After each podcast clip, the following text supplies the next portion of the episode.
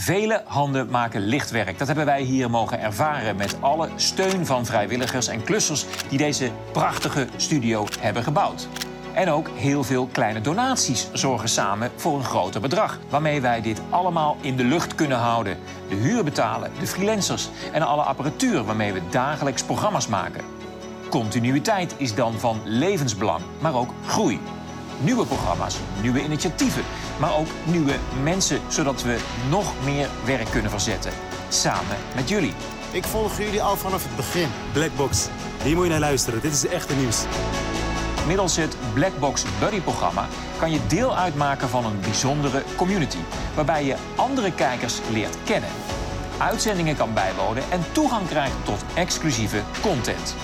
Je ziet eigenlijk wat er allemaal voor nodig is en waarom de steun ook heel erg hard nodig is. Ik denk dat het heel belangrijk is om structureel iets te ondersteunen. En ik denk ook dat als je ergens achter staat, dat je dat ook moet doen. Het is nodig. Word daarom Blackbox Buddy en steun ons met een maandelijkse bijdrage, zodat wij onze missie maximaal kunnen voortzetten.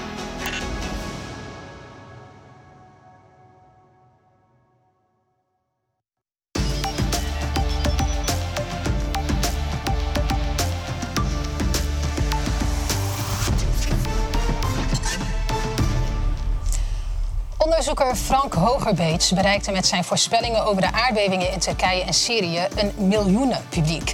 Hij voorspelde de grote aardbevingen een paar dagen voor de ramp en ook de tweede aardbeving van afgelopen maandag. Waar baseert Frank zijn kennis op? Dat vertelt hij straks zelf.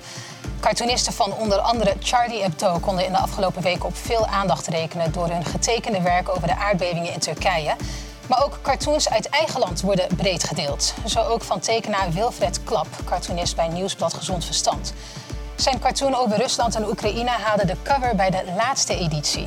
En het beste werk van al hun cartoonisten werd gebundeld in het boek Cartoons. Straks meer hierover.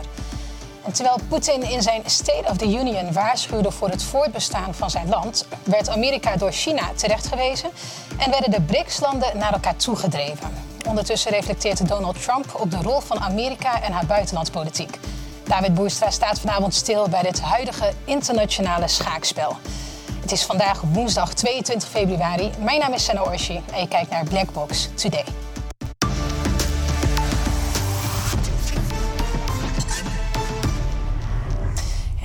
Goede avond. Heel fijn dat je weer kijkt naar een nieuwe aflevering van Blackbox Today. En een warm welkom voor mijn gasten. Fijn dat jullie er zijn.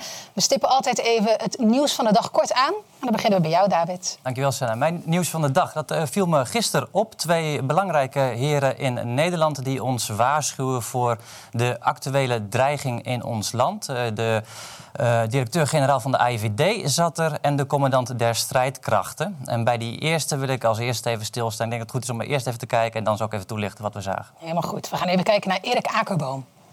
Wij zien al jarenlang een constante dreiging van Russische acties tegen Nederland en westerse belangen. En dan moet u denken aan cyberaanvallen. En waar moet je dan aan denken? Het binnenhalen van, van technologische kennis, die weer militair kan worden ingezet. Uh, verkenningen ook worden gedaan om te kijken waar Nederland zwak is. En overigens het ook beïnvloeden, heimelijk beïnvloeden van de, en voorzien van desinformatie van de Nederlandse sociale media en ook het publieke debat. Jij zegt dus eigenlijk dat Nederland al wat langer geteisterd wordt door Rusland. Ja, en dan noemt hij het voorbeeld desinformatie. Dat is heel interessant, want dat hele verhaal, hè, Russische desinformatie, bleek desinformatie te zijn. Russia Gate, om maar een voorbeeld te noemen. Um, maar goed, hè, deze man die uh, ons met de binnenlandse veiligheid uh, zou moeten, of zich met de binnenlandse veiligheid zou moeten bemoeien, ja, die richt zich op Russen en in zijn uh, laatste dreigingsanalyse ook al eens op complotdenkers. Nou, dan uh, wordt nog de vraag gesteld aan de militair die daar zit zitten, Onno Echelsheim, de, de, commandant der strijdkrachten, waar hij nou het gevaar ziet van die Russen. En ook zijn uitleg is interessant. Goed, dan gaan we nu kijken naar Echelsheim. Maar u zegt vandaag ook, we zien ook hele concrete dingen de afgelopen tijd gebeuren. De Russen zijn ook aan het kijken naar de, naar de windmolenparken op de Noordzee. Wat ziet u daar concreet gebeuren? Nou, wat we daar dit najaar hebben gezien... is dat een Russisch schip onderweg was naar de windmolenparken. Ehm, dat, dat kan. Maar wat wij wisten is dat zij vooral uh, onderzoek deden naar de datakabels uh, die op de zeebodem liggen. En dat ze vooral ook geïnteresseerd waren in hoe deze windmolenparken bestuurd worden. Ja, hoe vat jij dit? Ongemakkelijk vind ik dit. Want hè, we hebben de meest nou ja, indrukwekkende geopolitieke situatie sinds de Tweede Wereldoorlog gehad in Europa. Over de zeebodem gesproken. Hè. Het gaat over de Nord Stream, althans het zou moeten gaan over de Nord Stream. En als je dan veiligheidschefs hebt die uh, ergens iets zinnigs over zouden moeten zeggen, dan is het over de Nord Stream. En niet over die kabels die er uh, naar de windmolens toe lopen. Maar goed, blijkbaar focussen zij zich daarop en is uh, Rusland het gevaar.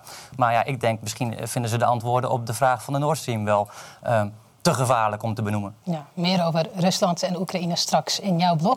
En dan gaan we naar jouw nieuws van de dag. We zagen hem eh, al eventjes in beeld voor de oplettende kijker. Ja, warmtepompen komen toch weer in het nieuws. Uh, ze waren het nieuws omdat ze toch best wel veel uh, stroom verbruiken. En uh, ze zijn dan eigenlijk alleen maar rendabel als je ook uh, zonnepanelen hebt. Maar nu blijkt dus ook dat er ja, een chemisch koudemiddel wordt gebruikt... dat zeer belastend is voor het milieu. Dus dat komt dan eigenlijk nog bovenop het toch niet zo positieve nieuws over de warmtepomp. Ja, en het defeats the purpose. Want het zou ja. eigenlijk dus allemaal veel duurzamer moeten zijn. Maar ja. helemaal goed, dank je. En dan komt tenslotte bij jou. Ja, mijn nieuws van de dag is uh, de backlash die Sigrid Kaag uh, heeft ontvangen. Uh, naar aanleiding van de situatie die eigenlijk afgelopen zondag is ontstaan. Ze zou zijn opgewacht, of ze is opgewacht door een groep protestanten, ook boeren, die, die met een fakkel stonden. En daarna is ze heel erg in de slachtofferrol gaan, gaan zitten, terwijl er niks gebeurd is van agressiviteit.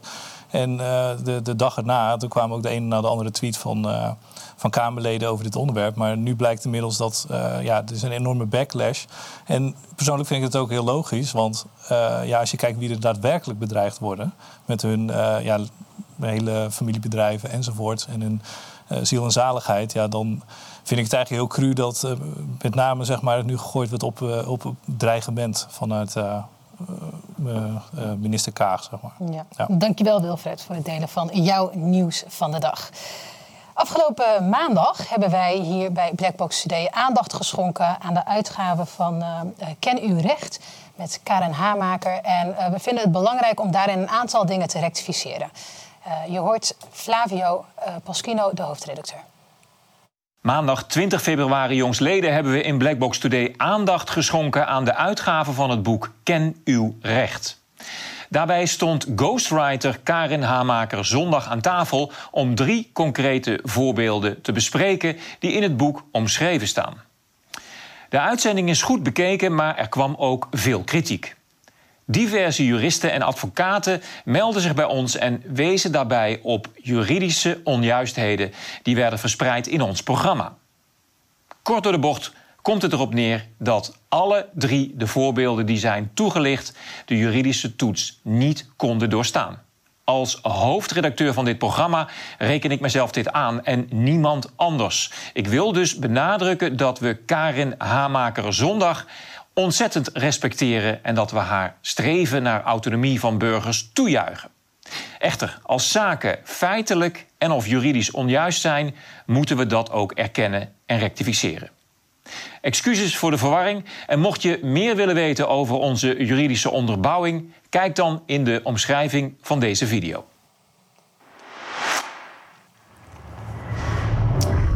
Onderzoeker Frank Hogerbeets bereikte met zijn voorspellingen over de aardbevingen in Turkije en Syrië een miljoenenpubliek.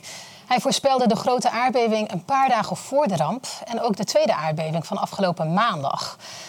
Ja, iedereen gaat zich natuurlijk afvragen, waar baseer jij je kennis op, Frank? Welkom, fijn dat je er bent. De laatste keer dat je hier was, was in juni vorig jaar. In een hele andere hoedanigheid. Ging het meer over boerenprotest? Ja, ik ben ook een beetje hobbyboer, dat doe ik er graag naast. Dat Kijk. En ik woon landelijk. Een hobbyboer die voorspellingen doet. Want je hebt verschillende voorspellingen gedaan die ook zijn uitgekomen. Neem ons even mee in het verhaal. Nou, ik kijk, uh, ik heb, uh, acht, negen jaar lang doe ik nu onderzoek. En ik kijk naar de stand van de planeet in de maan. En uh, al heel snel had ik in de gaten dat daar een duidelijk verband is met, uh, met zwaardere aardbevingen. En dat ben ik gaan onderzoeken. En uh, nou ja, dat heb ik inmiddels behoorlijk kunnen uitwerken. En um, Ik doe regelmatig aardbevingsverwachtingen, echt met regelmaat. Een beetje zoals de weersverwachting. En de laatste verwachting was op 19 februari. En ja, daarin gaf ik duidelijk aan van 2022 wordt wat kritieker. Niet extreem kritiek, maar ik had wel wat sterkere activiteit verwacht. Ja, en dat, dat gebeurt dus ook. Ja, en dat was niet de eerste keer. Want nee. twee weken daarvoor deed je ook al een voorspelling ja. over de aardbeving. Ja, dan moet ik wel zeggen, op 3 februari had ik een hele tweet. Dat is, uh, nou ja, ze hebben het over de aardbeving van de eeuw in Turkije. Maar het was denk ik ook bijna de tweet van de eeuw. Uh, ja, er zijn, eigenlijk, er zijn eigenlijk twee dingen. Ik doe aardbevingsverwachtingen en op basis van planeetstanden. Maar de beroemde tweet van 3 februari, die was, uh, stond daar een beetje los van. Uh, dat komt omdat ik, uh, ik kijk naar zware aardbevingen in het verleden... en dan kijk ik naar de planeetstanden van die zware bevingen. En dan ontstaat er een patroon en dat gebruik ik voor mijn verwachtingen. Maar op basis van dat onderzoek wist ik ook dat dat gebied in Turkije zeer gevaarlijk is. En dat daar in het verleden hele zware dodelijke bevingen zijn geweest. Ik noem even het jaar 115 en 526. Toen waren er in beide gevallen meer dan 200.000 doden. Echt heel veel. En het is heel lang geleden dat dat voor het laatst gebeurde. En omdat er begin februari wat meer activiteit was in dat gebied, toen ben ik dat een beetje gaan bekijken. En toen was er op 3 februari nog een keer een, een beving, 4,4. Op zich niet zo zwaar. Maar dat was voor mij direct aanleiding om deze tweet te plaatsen. Van jongens, denk erom, vroeg of laat komt er hierheen. En dat het dan drie dagen later gebeurde, ja, dat wist ik zelf ook niet. Dus die tweet staat los van maan- en planeetstanden. Maar het is wel zo dat ik op 2 februari een verwachting had geplaatst. In de, ook in de sociale media, onder andere op YouTube. En daarin gaf ik aan, van 4 tot 6 februari uh, wordt kritiek. En dat gebeurde dus ook op 6 februari. Ja. ja de gegevens die je deelt, die zijn heel gedetailleerd. Ja. hoe kom je aan die informatie? Hoe doe je dat? Nou ja, ik uh, ben in 2014 ben ik uh, eigenlijk voor het eerst echt naar planeetstanden gaan kijken. Uh, voor die tijd had ik al wel het idee dat er mogelijk een verband bestaat tussen planeetstanden, de maan en, en, aardbevingen. Maar ik had altijd het idee van dat is te complex, dat gaat boven mijn pet. Maar in 2014 gebeurde er iets in de Grote Oceaan. Ja, was... voor alle duidelijkheid, je had hier ook geen achtergrond in of zo? Nou, ik heb wel ge geometrie gestudeerd. Okay, geometrie, dus ik wist ja. wel, van, wel in detail van hoe zit het zonnestelsel in elkaar. Ja. De, de, de, verhoudingen, de maan, de aarde, alles, dat, dat was mij heel duidelijk. Uh, maar in juni 2014 gebeurde er iets in de Pacifische Oceaan. Er was een serie zware bevingen in het zuiden en het noorden. En toen dacht ik van waar komt dit vandaan? Dus die plotselinge uh, uitbarsting van, van aardbevingen. Want aardbevingen vinden helemaal niet, tenminste de zwaardere... die vinden niet geleidelijk plaats, maar meer in, in uh, ja, een clusters. Dus heb je een serie zware en dan een hele tijdje niks... en dan heb je weer zwaardere bevingen. En uh, toen ik die serie bevingen zag, uh, toen ben ik echt naar de planeetstanden gaan kijken. En dat uh, zie je ook in die afbeelding. En toen bleek tot mijn grote verbazing dat er drie samenstanden tegelijk zeg maar clusterden. En toen dacht ik van, is dat toeval of gebeurt het vaker met zware bevingen? Dus toen ben ik onderzoek gaan doen naar zwaardere bevingen in het verleden. En toen bleek inderdaad dat er ook opvallende standen waren. En toen heb ik acht maanden onderzoek gedaan. En je zag een patroon? Ja, ik zag duidelijk een patroon. Nou, en toen heb ik acht maanden onderzoek gedaan. En in uh, april 2015 heb ik voor het eerst een klein uh, voorzichtig aardbevingsverwachtingje op Facebook geplaatst. En uh, dat was op 20 april 2015. En toen zei ik van nou, de komende dagen wordt kritiek, volgens mij, volgens de planeetstanden. En toen bleek inderdaad op 25 april die zware beving in Nepal, magnitude 7,8. En dat zijn toch echt de, de zware bevingen die misschien maar twee, drie keer per jaar plaatsvinden. En dat heeft me heel erg uh, aangemoedigd om daarmee door te gaan. Want ik dacht toen van, hé, hey, dit, dit kan werken, hier kan ik wat mee. En toen heb ik mijn eerste video gemaakt uh, voor YouTube. En dat bereikte binnen een paar weken 1,6 miljoen views. Ik wist niet wat er gebeurde. Dat was dus in 2015. En uh, zelfs de media gingen er zich toen mee bemoeien, onder andere Fox News. En die, uh, ja, dan krijg je ook wel wat negatieve reacties van wetenschappers zeggen dat het niet kan. Seismologen worden geïnterviewd, die zeggen dit is allemaal onzin. Dit is een mannetje uit het Nederland en die snapt het allemaal niet. Ja. En ik zei van nou, volgens mij eind mei 2015, rond 28 mei, wordt het ook weer kritiek.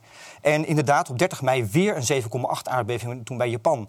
En uh, dus ik wist toen zeker dat ik op de goede weg zat. Ja, en dat is toen ook opgepakt door een, een mediakanaal, Fox 40, ja, Fox, ja. in 2015. Laten we even gaan kijken naar een fragment die we hebben gekozen.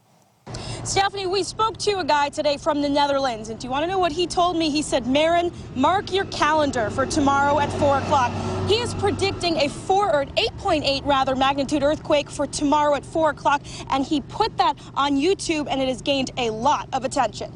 I can't say for certain whether or not something will happen again tomorrow or the next day. There is no way to know. But Huberby does claim he came within two days of predicting the Nepal earthquake, which killed nearly 8,800 people last month. His unedited Facebook post confirms, in fact, he did. Ja, hierin zie je inderdaad uh, verschillende reacties. De tweede dame die we in beeld zagen was van USGS. Dat is zeg maar Amerikaanse KNMI, wat wij hier in Nederland Ja. als KNMI kennen. Voor aardbevingen, ja. Ja. Maar ehm, ja, zij zegt eigenlijk van eh, dat is op geen enkele manier te voorspellen. Nee, de Kennen zij dan de methode niet? Of Klopt, zij zijn hier niet mee vertrouwd. Eh, De wetenschap, eh, het officiële standpunt in de wetenschap is nog steeds dat, of, eh, dat aardbevingen niet voorspeld kunnen worden. Maar tegelijkertijd is het ook belangrijk om te beseffen dat in de wetenschap er ook geen onderzoek naar wordt gedaan.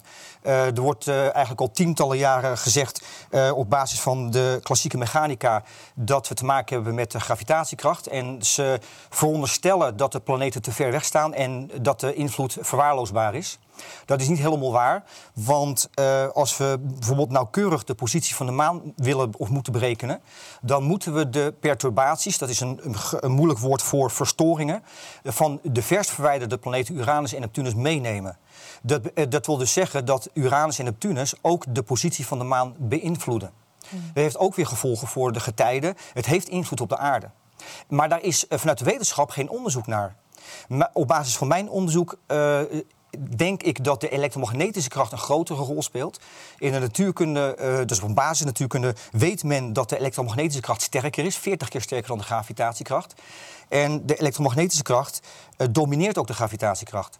Plus, de elektromagnetische kracht werkt sterk in op materie. Dat wil zeggen, elektromagnetische golven werken sterk in op materie. Ze kunnen eh, letterlijk voor deformatie zorgen. En mijn hypothese, ik kan nog niet bewijzen, maar mijn hypothese is dat als er op aarde in een breuklijn op een gegeven moment een hele kritieke spanning is bereikt, zoals eh, op 6 eh, februari in Turkije, dat een versterking van de elektromagnetische energie van de planeten, als die bepaalde posities bereiken, dat die zeg maar een deformatie afdwingen. Op basis van mijn onderzoek lijkt het daarop. Ik kan dat niet hard maken, want ik kan het niet, niet eh, bewijzen. Maar het blijkt dus met specifieke planeetposities dat de aarde daar niet direct bij betrokken is. Eh, maar dat het toch een zware beving is. Dus als alleen de gravitatiekracht een rol zou spelen, dan zou je veronderstellen dat de aarde bijvoorbeeld op één lijn moet staan met andere planeten. En eh, dat er dan een, ja, een verstoring plaatsvindt.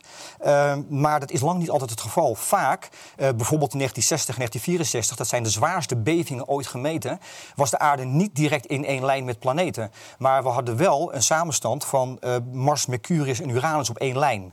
En het was in 1960 zo en het was ook in 1964 zo, in beide gevallen. En eh begin van mijn onderzoek eh, viel me dat ook onmiddellijk op. Eh, de wetenschap die ontkent dit, die wil hier ook eigenlijk niks van weten. En dat is interessant. Als Ja, ik hoe nu... kan dat? Want hoe kan het dat jij Ja. jaar in jaar uit, dus op basis van de stand van planeten en de maan, uitspraken doet, voorspellingen doet van aardbevingen, deze uitkomen en de wetenschap zegt nee, is niet Ja. te berekenen. Ja, ze, ze blijven volhouden dat het niet kan en dat aardbevingen willekeurig plaatsvinden. Eh, als ik nu een verwachting plaats op, eh, in de sociale media, eh, hier ook op Twitter, dan komt daar stevast een contextbanner onder te staan waarin wordt gezegd dat het niet kan en dat planeten geen voorspellende ja, waarde he- hebben.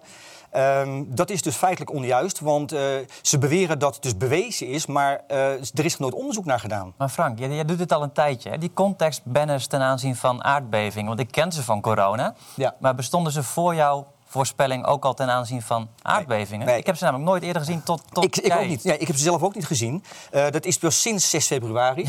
Toen, eh, is, eh, ja, toen is, zijn mijn sociale media-accounts echt ge- gewoon compleet geëxplodeerd. Met het aantal volgers. Heel onwerkelijk. Eh, ja, en als dat gebeurt, ja, dan eh, gaan de media zich ermee bemoeien. En de sociale media bedrijven ook. En eh, die willen dan toch een bepaalde invloed uitoefenen. En die zeggen gewoon van ja, het is bewezen dat het niet kan. En dit is de standpunt van de wetenschap. Eh, maar het is belangrijk om te weten dat er geen onderzoek naar is gedaan. Er zijn dus geen seismologen of astronomen die dus echt kijken van... oké, dit zijn allemaal zware bevingen in het verleden. Wat waren de posities van de planeten op het moment van zo'n beving? Dat onderzoek wordt niet gedaan. En dat komt omdat ze ervan uitgaan dat de planeten te ver weg staan... en dus geen invloed kunnen hebben. Dus dat is een soort. Ze geloven überhaupt niet in het concept. Nee, nee. En dus, dus eh, ja, dat weerhoudt ze er ook van om überhaupt onderzoek te doen. En ik, heb, eh, ik kan het ook eh, met zekerheid zeggen, want in de acht, negen jaar dat ik nu onderzoek doe, heb ik nog nergens een publicatie kunnen vinden dat er uitgebreid onderzoek is gedaan door wetenschappers of die planeten nu wel of niet invloed hebben. Dus het is eigenlijk een, een aanname, een veronderstelling dat ze te ver weg staan en dat we alleen maar te maken hebben met de gravitatiekracht. En dat wordt dan een consensus. En ja, daar moet de hele wetenschap het dan maar gewoon mee doen. Ja. Dus nu krijg je eigenlijk een hele bizarre situatie dat ik met mijn stichting SSGOS tegenover de grootmacht sta van de USGS en de NASA, die op hun website duidelijk hebben staan dat het niet kan eh, op basis van de klassieke mechanica. Maar zoals je in deze tweet ziet, er zijn dus nu meer mensen die zich ermee gaan bemoeien en die zeggen gewoon van ja, maar wetenschappers moeten nu gewoon een keertje stoppen met het eh, kopiëren en plakken voor 50 jaar oude geloofssystemen. En daar hebben ze een punt. En dat kan ik ook beamen op basis van mijn onderzoek. Ja. Dus het is eigenlijk een hele bizarre situatie wat er nu uh, gebeurt. En waarom denk je dan dat de wetenschap dat toch niet oppakt? Ik denk dat uh, misschien is er een soort aversie. Je kan er eigenlijk alleen maar naar raden. Uh, misschien vinden ze dat het te dicht bij astrologie komt en dat ze dat niet serieus nemen en dat ze gewoon zeggen: ja, maar daar doen wij niet aan.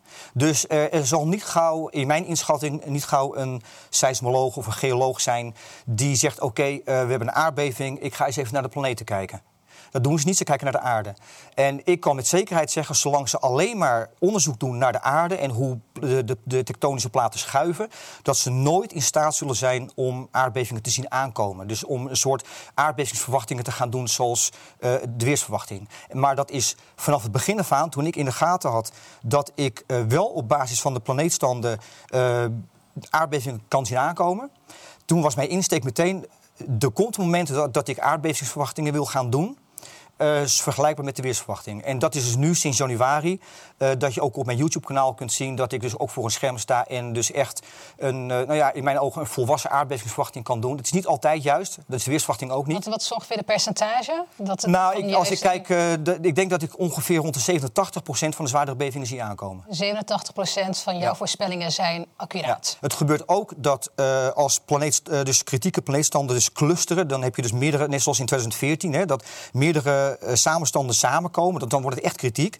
En toch kan het zijn dat er dan niet een hele zware beving komt, maar misschien een wat lichtere uh, ja, clustering van magnitude 5,6 richting magnitude 6, maar niet zwaarder. En dat heeft alles mee te maken dat de ja, de conditie van de aardkorst die is bepalend. Dus als er ergens op aarde uh, hele kritieke spanning is in, tussen de tektonische platen, zoals nu in Turkije afgelopen tijd, dan heb je een zware beving. Maar als die spanning niet kritiek is, dan heb je misschien wat lichter toename van seismische activiteit, maar dan geen zware beving. Ja. En ik weet niet of je het wel of niet hebt gehoord, maar er zijn wat geluiden van mensen die wel eens denken dat uh, met name de aardbeving in Turkije en Syrië uh, kunstmatig is opgewekt.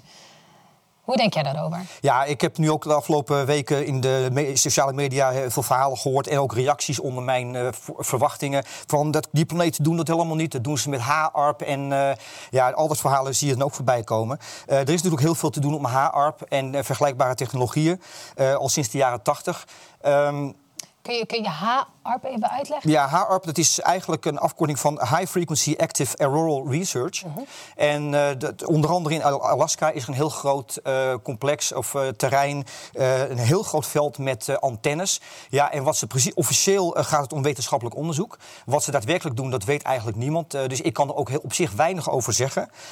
Wat ik wel weet, op basis van mijn onderzoek en mijn aardbevingsverwachtingen, is dat zwaardere aardbevingen nog steeds, uh, ik zou bijna zeggen, getrouw plaatsvinden rond de tijd van kritieke planeetstanden. En ik denk dat de krachten van het zonnestelsel, de dynamiek en ook de krachten van de planeten, oneindig veel sterker zijn dan wat wij ooit op aarde met onze technologie zullen kunnen opwekken. Dus in die zin maak ik me er niet zo'n zorgen om. Duidelijke taal.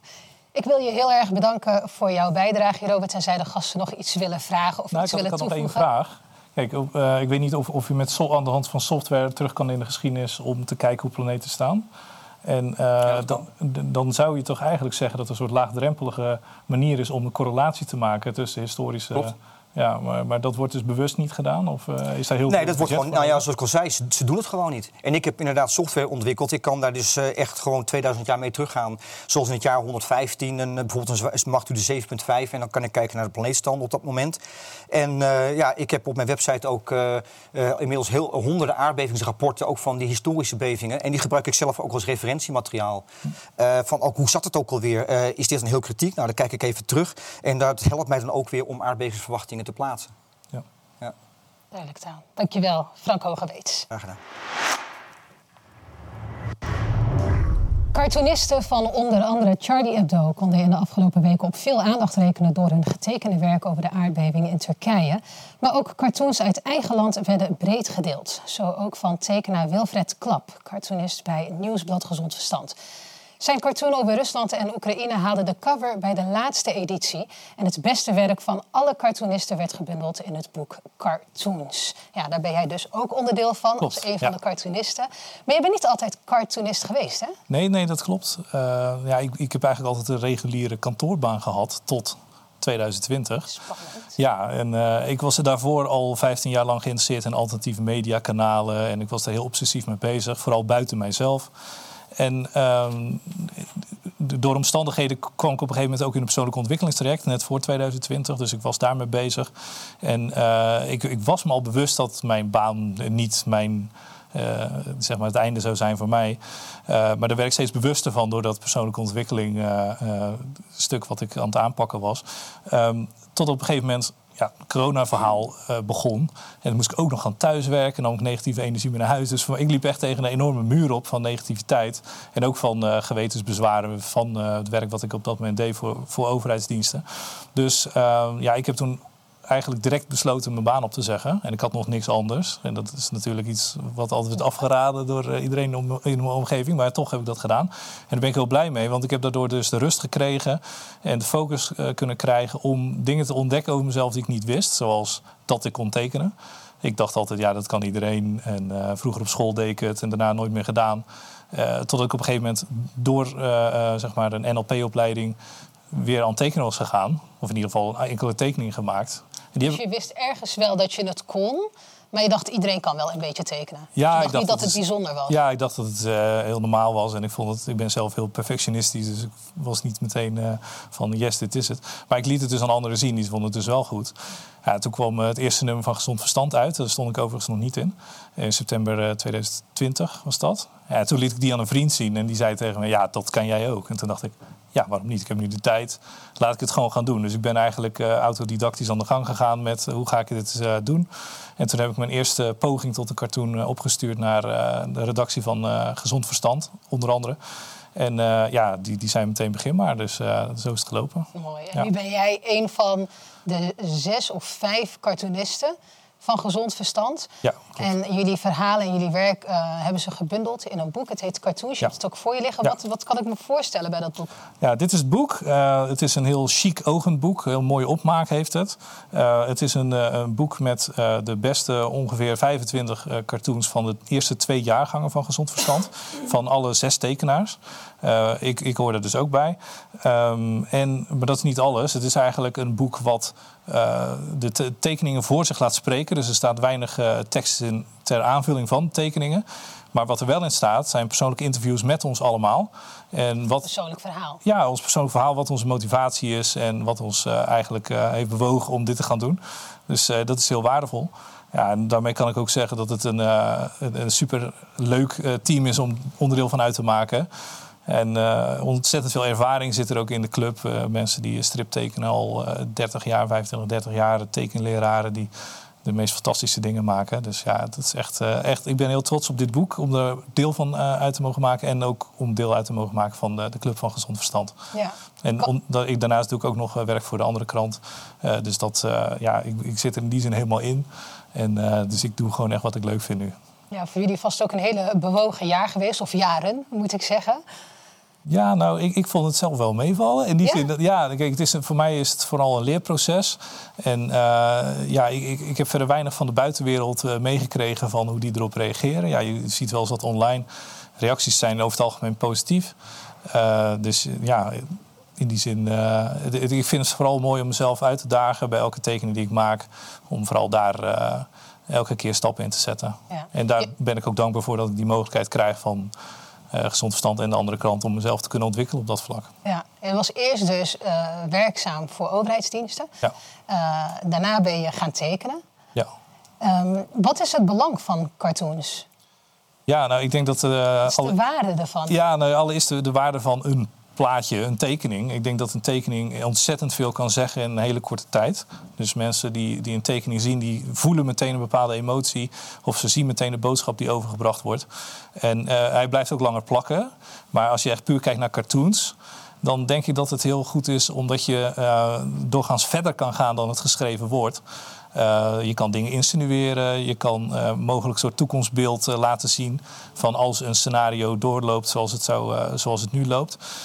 Wat eigenlijk niet wordt gedaan in zowel de andere krant als gezond verstand, omdat dat gewoon ja, verslaglegging is en dat is gewoon, daar kan je niet toekomst gaan voorspellen.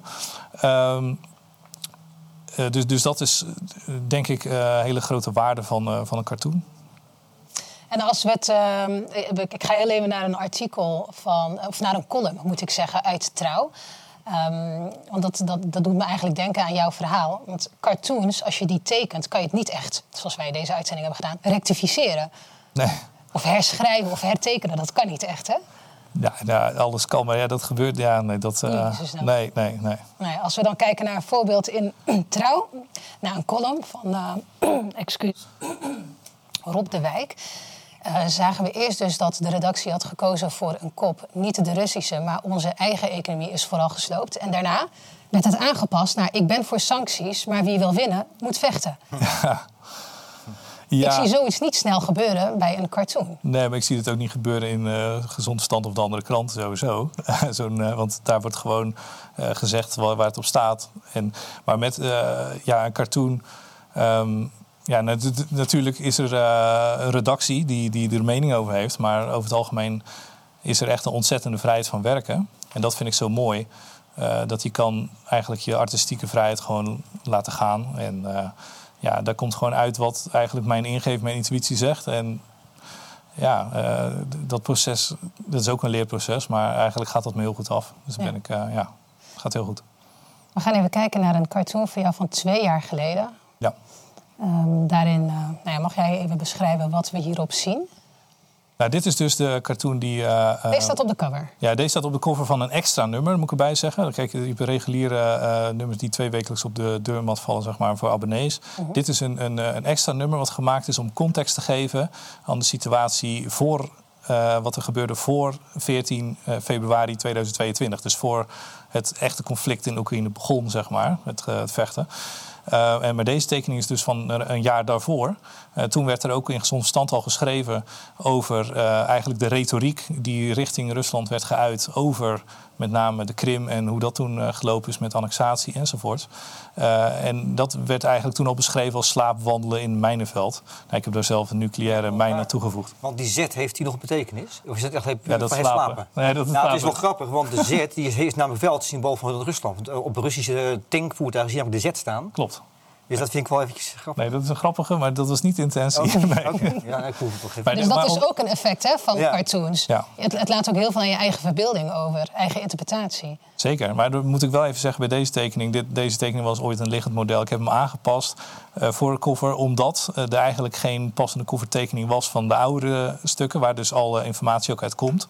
Dus als mensen nieuwsgierig zijn naar, eh, of dat moet ik er nog even bij zeggen, dat eh, de covers worden normaal door Erik gemaakt. Die maakt ze altijd fantastisch. Dus in die, die zin is dit een afwijking van, eh, van de norm. Ehm, maar. eh, eh, ja, de- Nu, nu mocht jij de cover ja, nu mocht ik, eh, heb ik de eer gekregen, Ja. wil ik het maar zo zeggen. Ja. Mooi. En hoe wordt erop gereageerd? Ik, ik kan me, ja, het is een gevoelig onderwerp. Ik kan me voorstellen dat de reacties niet altijd lovend zijn. Ja, ik, ik ben ook heel nieuwsgierig. Kijk, ik, eh, ja, ik, ik krijg niet heel veel feedback, behalve van eh, mensen die, die het lezen, mensen die ik ontmoet bij bijeenkomsten, die, die juist het werk steunen. Ehm, ja, online komt er wel eens wat voorbij eh, van een hele negatieve reacties, maar niet zozeer naar mij persoonlijk. Dus daar ben ik niet bekend mee. Nee. Wij gaan straks twee boeken weggeven die je hebt meegenomen. Nou, we weten dat jullie in de afgelopen twee jaar veel teweeg hebben gebracht. Ehm, zo ook bij Marion Koopmans. We kunnen even een uh, tweet in beeld brengen waarin ze het uh, brievenbusvervuiling noemt. Een heus tijdschrift, deur aan deur, met de sterren van Welsmerts. Uh, moet daar niet iets mee? Ja. Nou, dat, dat, Hoe ervaar jij ja, berichten? Ja, dat was toen heel erg grappig. Uh, dit was dat, dat plaatje. Ik ben blij dat je dan kan lachen. Ja, nee, tuurlijk. Je moet altijd blijven lachen. Maar dit, dit was het eerste nummer van Gezond Verstand. Uh, 1 september, of in september 2020 kwam het uit. En dat is meteen een miljoen keer uh, gedrukt. En werd overal ook in de brievenbus gestopt. Ja, en toen uh, ja, was natuurlijk paniek in Den Haag. Van hoe kan dit? En uh, zeker ook de naam uh, die erachter zit. Karel van Wolfer is ook geen, geen lichtgewicht. Dus ja, dat was wel even paniek, ja. Ja. En uh, ook uh, Keisha Ollongren had er het nodige over te zeggen. Het is een fragment van twee jaar geleden. Maar laten we even kijken wat ze daar te zeggen had over gezond verstand. Uh, maar deze discussie gaat natuurlijk over een blad... wat eerst huis aan huis is verspreid... en wat gewoon gedrukt kan worden. Daar is natuurlijk niets op tegen. maar de vraag is natuurlijk wel of het nou van of het nou wijsheid is om het te gaan verkopen. Daar ga ik niet over. Aco, Bruna, die gaan daar echt zelf over. Maar als het aan mij vraagt, dan zou ik zeggen... let wel even op waar je het in de schappen legt. En ligt het naast de fabeltjeskrant, dan kan ik me er iets bij voorstellen. Maar ik zou het in ieder geval niet bij de medische literatuur leggen. Uh, want je moet mensen wel waarschuwen hè, wat je uh, verkoopt. wij maken ook een onderscheid tussen fictie en non-fictie tenslotte. Ja, toen stond ze, getiteld, ze stond hier in deze video getiteld als minister van Defensie. Dat is ze nu. Maar toen ze dit zei, was ze minister van Binnenlandse Zaken. Ja. Ook geen uh, nou ja, best stevige uitspraak, hè? Ja. Zonder verstand mag bij, naast een fabeltjeskrant.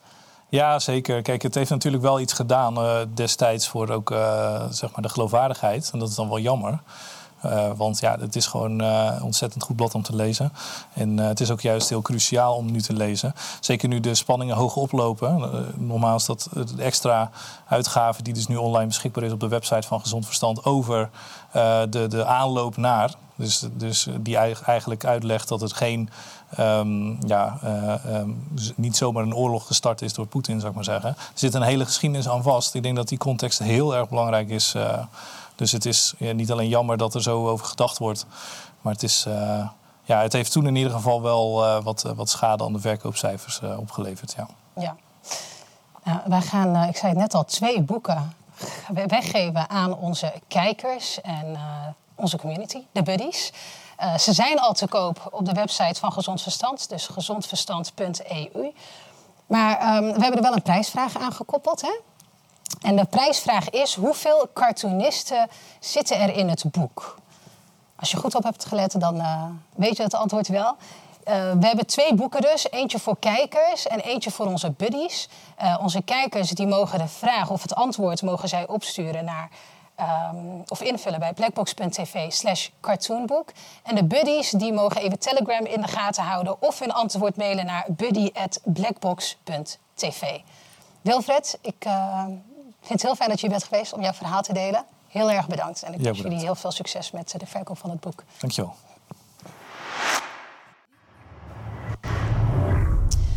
Terwijl Poetin in zijn State of the Union waarschuwde voor het voortbestaan van zijn land, werd Amerika door China terechtgewezen en werden de BRICS-landen naar elkaar toegedreven. Ondertussen reflecteert Donald Trump op de rol van Amerika en haar buitenlandspolitiek. Er gebeurt dus weer heel erg veel. David Boerstra, jij staat hier vanavond allemaal bij stil. Neem ons even mee in dit internationale schaakspel. Ja, inderdaad, je zei het al, er gebeurt een heleboel. Maandag stond Daan er ook al bij stil. Gisteren uh, was de State of the Union in Rusland. Hè. Vladimir Poetin, de Russische president, die sprak daar uh, de Russische burgers toe... maar eigenlijk heel de wereld. En um, laten we meteen maar even kijken naar uh, hoe hij dat daar deed. Ja, want hij uitte daarin vooral zijn zorgen over het voortbestaan van Rusland. Laten we even kijken naar president Poetin. И вы это хорошо знаете, мы делали все возможное, действительно все возможное для того, чтобы решить эту проблему мирными средствами. Терпеливо ввели переговоры о мирном выходе из этого тяжелейшего конфликта. Но за нашей спиной готовился совсем другой сценарий. Получается, что все то время, когда пылал Донбасс, когда лилась кровь, когда Россия искренне, я хочу это подчеркнуть, именно искренне стремилась к мирному решению, они играли на жизни людей, играли, по сути, как говорят в известных кругах, крапленными картами. Я хочу это повторить. Это они развязали войну. А мы использовали силу и используем, чтобы ее остановить.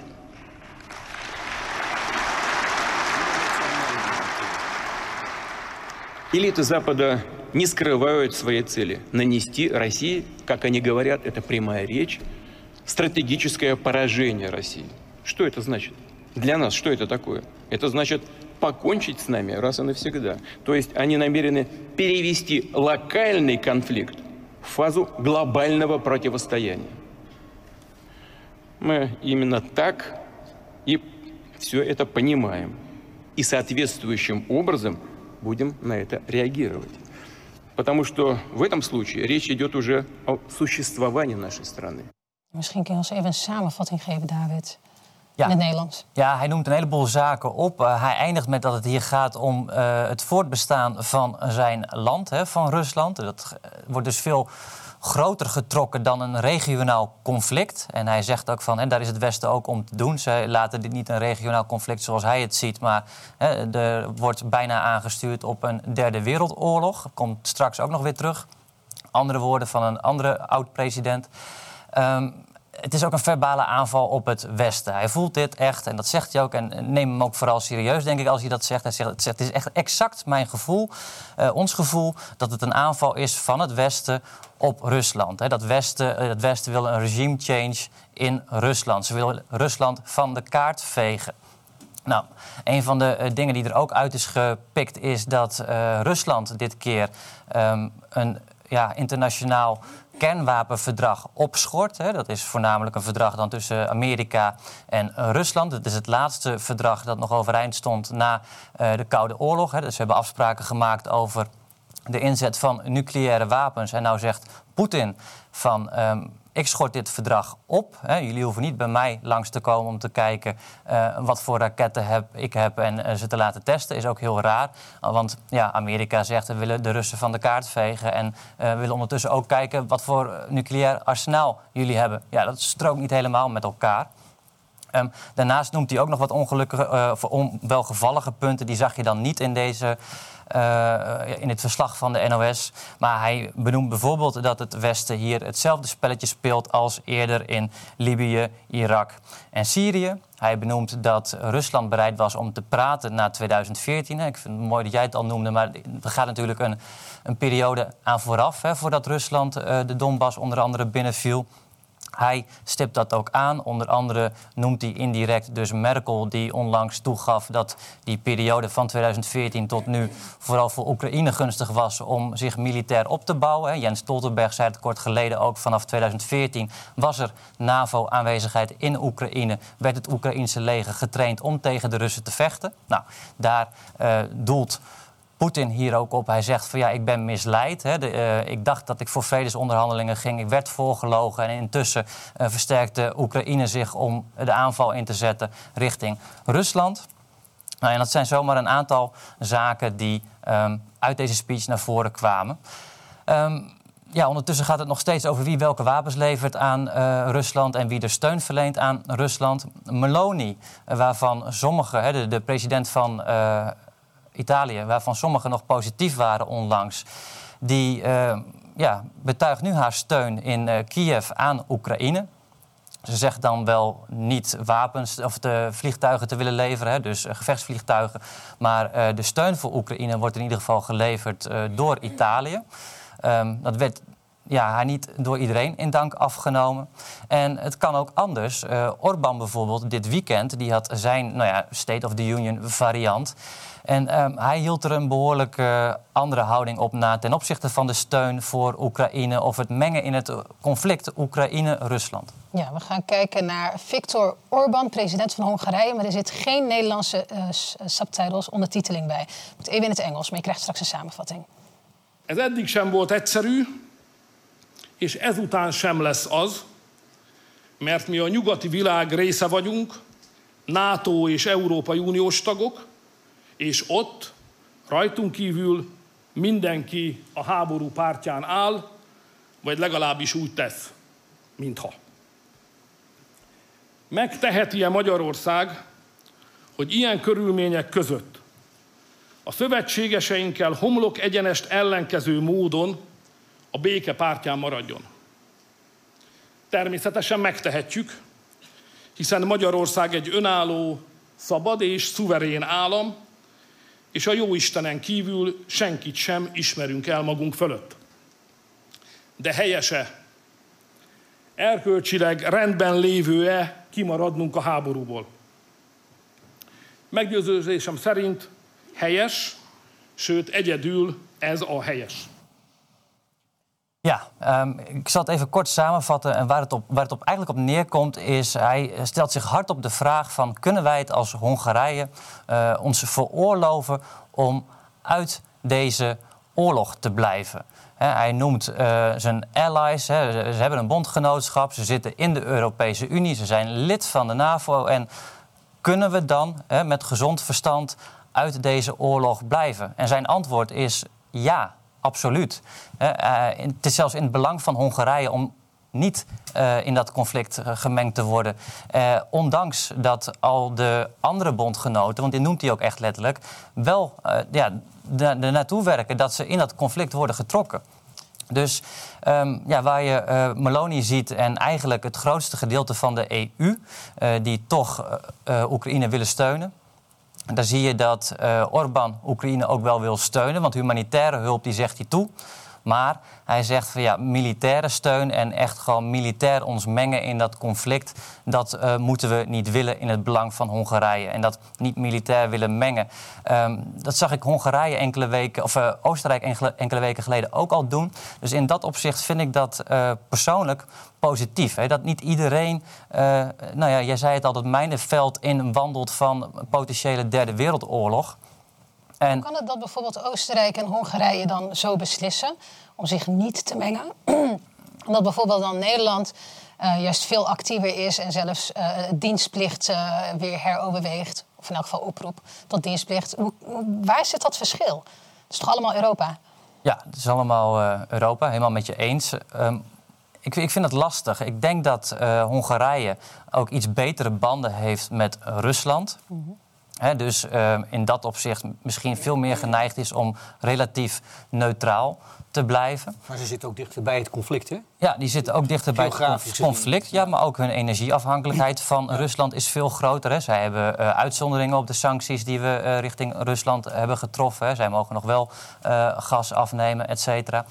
Um, dus ja, hij stelt, stelt vooral, vooral, het belang van zijn bevolking voorop. En... Um, ja, of andere landen dat ook doen, die vraag laat zich raden dan, denk ik. de, de, de, schade bij ons, de sancties, die, die voelen wij vooral. En in Rusland wordt dat aanzienlijk minder uh, gevoeld. Dat uh, zei Rob de Wijk ook. En later wordt die titel dan gecorrigeerd van die column. Maar goed, uh, het kwaad was al geschied. Um, China is ook een land dat zich normaal gesproken neutraal opstelt. Zeker als het gaat om militaire conflicten, uh, willen zij zich niet zozeer mengen in dat uh, internationale uh, geopolitieke schaakspel. Maar ja, inmiddels doen ze dat toch. En dan is het goed om te beseffen dat China een van die BRICS-landen is. Hè. Dus dat bondgenootschap dat steeds steviger in het zadel terechtkomt, daar zie je nu China het eigenlijk indirect opnemen voor Rusland en voor zichzelf. Ja, wat je al zegt, ze doen het toch. En nu ook met stevigere woorden dan voorheen. Hè? Ja. We gaan even kijken naar de minister van Buitenlandse Zaken van China, Wang 现在却不断的散布中方提供武器的虚假信息，居心何在？美方口口声声要维护和平，实际上却大发战争财。美国的军工企业从乌克兰战场赚得盆满钵满，良心何在？美方应当切实反思自身所作所为，停止在做拱火浇油、趁火打劫、趁机牟利的事情。We zagen hier de woordvoerder van Wang Yi, minister van Buitenlandse Zaken. Ja, en um, ik zal ook deze even samenvatten. Hij uh, zei dat voor de podcastluisteraars die geen Chinees spreken. exact, ja.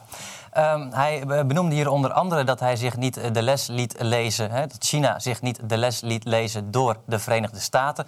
Dat ging over een verwijt dat China kreeg uh, onlangs, enkele dagen geleden. De Verenigde Staten zeiden namelijk dat China uh, zich niet, niet moest wagen aan het leveren van wapens aan Rusland. Nou, als het mij vraagt, behoorlijk hypocriet. Hè? Uh, Amerika is de grootste uh, leverancier van wapens aan Oekraïne. En zij zeggen dan op hun beurt van China niet doen, anders krijg je problemen met ons. Nou, en nou zie je dat ja, eigenlijk voor het eerst China echt hierop staat en zegt van... ja, moeten jullie eens niet eigenlijk even naar jezelf kijken? Hè? Hebben jullie dan geen geweten, zegt hij letterlijk. Um, en je ziet ook die samenwerking, ook, er wordt nu ook gesproken over een militaire samenwerking tussen China en Rusland. Ja, en dat is uiteindelijk, denk ik, echt de laatste optie die de Amerikanen graag zouden hebben gezien dat die BRICS-landen niet alleen een handelssamenwerking sluiten, maar dat ze ook nog eens een keer uh, militair gaan samenwerken. En ja, dan heb je Rusland en China naast elkaar liggen, die al handel met elkaar drijven. En China, waarvan wordt verwacht hè, dat het de opkomende nieuwe grootmacht is. En dan werk je die uh, tegen je in het harnas. Ja, dat is eh, bijzonder ongelukkig in geopolitieke samenhang gezien, denk ik. Als je kijkt naar de BRICS-landen, uh, je hebt Rusland, China, maar India zit er ook bij, als ik het goed begrijp. Nou, dat is nogal wat bij elkaar. Ja, is het dan ook niet uh, verstandig om als een klein landje als Nederland misschien even te gaan nadenken waar wij dan staan in dat grote spel? En misschien ook te gaan denken van wat zijn de risico's ja, als ja, dit echt gaat botsen? Ja, precies. Maar daarom begon ik ook dus met die twee uh, heren bij Nieuwsuur. He, zij uh, zijn nog steeds van mening dat Rusland he, de, de dreiging veroorzaakt hier in Nederland. Uh, zij doen mee aan die gevaarzettingen. Dat benoemde Poetin ook. Hè. Er worden allerlei uh, westerse denkbeelden over de uh, maatschappij uitgerold. En um, onder het mom van vrijheid en democratie te brengen, wordt er een totalitaire samenleving in het leven geroepen. Waarbij binnen de landen die het uitrollen geen ruimte is voor dissidente stemmen. En waarbij door een vijandsbeeld ja, eigenlijk feitelijk de interne corruptie wordt verhuld. Hè. Dat, maar goed, eh, dan is het mooi denk ik om nu even het la ene laatste fragment te laten zien van Donald Trump. Want ja, ironisch genoeg bevestigde hij dus eigenlijk wat Poetin zei. Hij benoemde dus ook die deep state, het Amerikaanse industriële complex, het militair-industriële complex, dat gebaat is bij een oorlog die langer duurt. En um, nou ja, laten we even gaan kijken wat hij hierover zei. Voormalig president van de Verenigde Staten, Donald Trump. World War III has never been closer than it is right now. We need to clean house of all of the warmongers and America last globalists and the deep state, the Pentagon, the State Department and the national security industrial complex. One of the reasons I was the only president in generations who didn't start a war is that I was the only president who rejected the catastrophic advice of many of Washington's generals, bureaucrats, and the so called diplomats who only know how to get us into conflict, but they don't know how to get us out. For decades, we've had the very same people, such as Victoria Nuland and many others just like her, obsessed with pushing Ukraine toward NATO, not to mention the State Department support for uprisings in Ukraine. These people have been seeking confrontation for a long time, much like the case in Iraq and other parts of the world, and now we're teetering on the brink of World War III. Ja, toch wel bijzonder om dit zo van Trump te horen. Ja, Ja, en hij, hij noemt het ook de vooravond van uh, Wereldoorlog 3. Uh, eh, toen ik dat hier de vorige keer zei, toen werd ik nog uh, een paniekzaaier genoemd, zag ik. Maar hij doet het ook. En um, ik denk niet dat het onrealistisch is inmiddels. Maar is dat maar, ook niet al gaande misschien? Ja, goede vraag. het zou goed kunnen. We zitten er heel dichtbij. En of het, of het nou al is gestart, ja, um, daar verschillende meningen over. Maar wat hij noemt uh, is heel interessant. Hij zegt uh, feitelijk van de deep state zorgt ervoor dat Amerika continu in oorlog blijft. De landen verschillen, maar um, nu is het Oekraïne. Eerder was het Irak. En dat gebeurt door uh, mensen als Victoria Newland. Hè. Zij is van het Department of State. Zij is nou ja, bijna hoogstpersoonlijk ver, verantwoordelijk voor de regime change in 2014 in Oekraïne. Zij was degene waarvan inmiddels het eh, een algemeen bekend fragment is die zei van fuck Europe. En uh, vervolgens bepaalde zij wie er op welke positie zou komen in Oekraïne. Dat was 2014, de Maidan-revolutie, de kleurenrevolutie noemen we dat inmiddels. Nou, daarachter zit dus dat industriële uh, of militair-industriële complex. Hè. Dat noemde Poetin ook al en dat noemen uh, anderen ook. China noemde dat ook. Hè, dat Amerika er zo ontzettend bij gebaat is dat er oorlog wordt gevoerd. Omdat uh, die industrie daar dan ontzettend veel geld aan verdient. Wie Duk zei dat ook al eens. Ik heb er al een blackjack over gemaakt dat er zo ontzettend veel geld wordt verdiend aan oorlog. En dat is dus ja, per definitie een perverse prikkel. En Trump die benoemde zelf nog even in deze speech van ja, ik ben degene die juist Amerika uit oorlog heeft getrokken. Hij noemde, daar, uh, hij noemde uh, Afghanistan onder andere. Uh, en hij zei ook van ja, ik ga voor vrede. En het is interessant om te zien hoe hij dat deed. Ja, hij zegt ook dat dit conflict eigenlijk in 24 uur wel opgelost zou kunnen worden in Oekraïne. Ja. Maar wel met de juiste leiderschap. Donald Trump. None of this excuses in any way the outrageous and horrible invasion of Ukraine one year ago which would have never happened if I was your president, not even a little chance. I am the president who delivers peace, and it's peace through strength. There was a reason we had no conflict. There was a reason we didn't get into wars because other countries respected us. They didn't want to mess around with the United States, and now they're laughing at us. We could end the Ukraine conflict in 24 hours with the right leadership. At the end of my next four years, the warmongers and frauds and failures of the senior ranks of our government will all be gone. Ja, uh, rooskleurig. Hè? Als de oorlog binnen 24 uur zou stoppen. Je zou denken dat iedereen uh, daarvoor is. Maar goed, hij heeft dus net benoemd uh, waar het probleem ligt. En ja, je zou bijna denken dat hij hier ook een soort van geweten, geweten toont. Hij durft naar binnen te kijken in het Amerikaanse systeem waar de schoen wringt en uh, het te benoemen. hij benoemt die neocons en hij uh, geeft ook aan van ja, wij hebben hier ook een fundamentele rol die verkeerd zit. Uh, en hij noemt hier ook de uitspraak van Ronald Reagan. En dat doet dan weer denken aan de Koude Oorlog. Maar hij zegt wel van ja. In mijn tijd durfden andere landen dit niet aan. Wat er nu plaatsvindt, hè, die grote mond misschien wel van China of Rusland die Oekraïne binnenvalt. Uh, dat was in mijn tijd niet gebeurd, zegt hij. En hij zegt als mijn tijd weer komt, hè, als ik herkozen word als president, dan kan binnen 24 uur die oorlog beëindigd worden. Maar dat zegt hij feitelijk. Hè. Onder Biden zal het niet gebeuren. Biden heeft zelf ook bijzonder ongemakkelijke belangen in Oekraïne. Maar als Trump aan de leiding komt, dan is het klaar met Oekraïne. Dan is die oorlog over. Wie weet, we zullen het allemaal nog eens zien. Moet hij eerst nog eens president worden natuurlijk. Klopt, moet hij eerst herkozen worden. En uh, je moet het waarmaken. Ja. En intern zal die behoorlijk worden tegengewerkt. Hè. Dat was toen zo. En uh, Daan heeft het volgens mij ook al eens gezegd. Uh, de reden dat hij niet herkozen werd... zou zomaar eens kunnen liggen aan het feit dat hij vertikte... om opnieuw oorlog te voeren. Ja.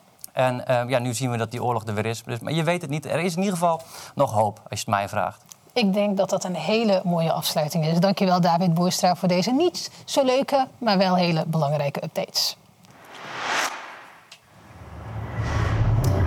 Morgen kun je vanaf 4 uur kijken naar een hele bijzondere uitzending over de eindtijd. Het teken van het beest en de dag des oordeels.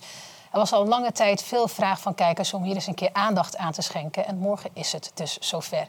Om 4 uur hebben we een interview online van Flavio Pasquino met de christelijke voorganger Peter van der Weert. Een heleboel mensen denken bij de duivel, die is anti-religieus of zo. Nee, die is hartstikke religieus. Maar jij zegt, Jezus komt echt terug op aarde in persoon. Ja, absoluut. Peter, jij bent een intelligente man, dat zie ik, dat voel ik als ik met je praat. Maar er zullen mensen zijn die echt denken van, die kerel die is helemaal gek. Ja, ja. Hoe, hoe, hoe kun je dit... Uh, ja, geloofwaardig maken. Hè? Is this the scenario described in Revelation? In any case, its author writes that more trumpets will blast and even greater anarchy will unfold. Kunnen niet-christenen de eindtijd duiden? Was de titel van het christelijke maandblad Het Zoeklicht in december 2021, waarin Blackbox werd genoemd. Per toeval kwam het kort geleden in mijn handen. Het staat hier op tafel en daarin stond het volgende. Niet alleen de seculiere media, zoals het journaal en de kranten, zijn blind voor de geestelijke realiteit. Ook een mediabedrijf als Blackbox mist de geestelijke antenne. Op verstandelijk niveau ben ik het vaak met ze eens, maar helaas hebben ze geen weet van demonische machten die zich opmaken voor de laatste strijd, de eindtijd. Ja, morgen dus om 4 uur staat het interview online. Heel erg bedankt voor het kijken naar deze uitzending. Aanstaande vrijdag zijn we weer met een nieuwe uitzending om 7 uur. En in die tussentijd kan je natuurlijk altijd terecht op onze website blackbox.tv voor actuele nieuwsartikelen. Vind jij het belangrijk dat wij deze nieuwsuitzendingen blijven maken? En lijkt het je ook leuk om andere donateurs te leren kennen? Word dan een Blackbox Buddy en ondersteun ons kanaal. Kijk even op blackbox.tv slash buddy om je aan te melden. Deel verder deze uitzending of podcast met zoveel mogelijk mensen. Heel erg bedankt voor het kijken. Ik wens je een fijne avond en graag tot vrijdag weer. Vele handen maken licht werk. Dat hebben wij hier mogen ervaren met alle steun van vrijwilligers en klussers die deze prachtige studio hebben gebouwd. En ook heel veel kleine donaties zorgen samen voor een groter bedrag. Waarmee wij dit allemaal in de lucht kunnen houden. De huur betalen, de freelancers en alle apparatuur waarmee we dagelijks programma's maken. Continuïteit is dan van levensbelang, maar ook groei. Nieuwe programma's, nieuwe initiatieven, maar ook nieuwe mensen, zodat we nog meer werk kunnen verzetten. Samen met jullie.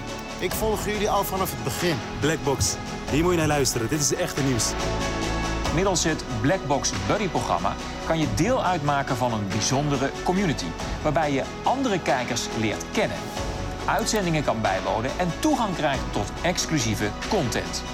Je ziet eigenlijk wat er allemaal voor nodig is en waarom de steun ook heel erg hard nodig is. Ik denk dat het heel belangrijk is om structureel iets te ondersteunen. En ik denk ook dat als je ergens achter staat, dat je dat ook moet doen. Het is nodig. Word daarom Blackbox Buddy en steun ons met een maandelijkse bijdrage, zodat wij onze missie maximaal kunnen voortzetten.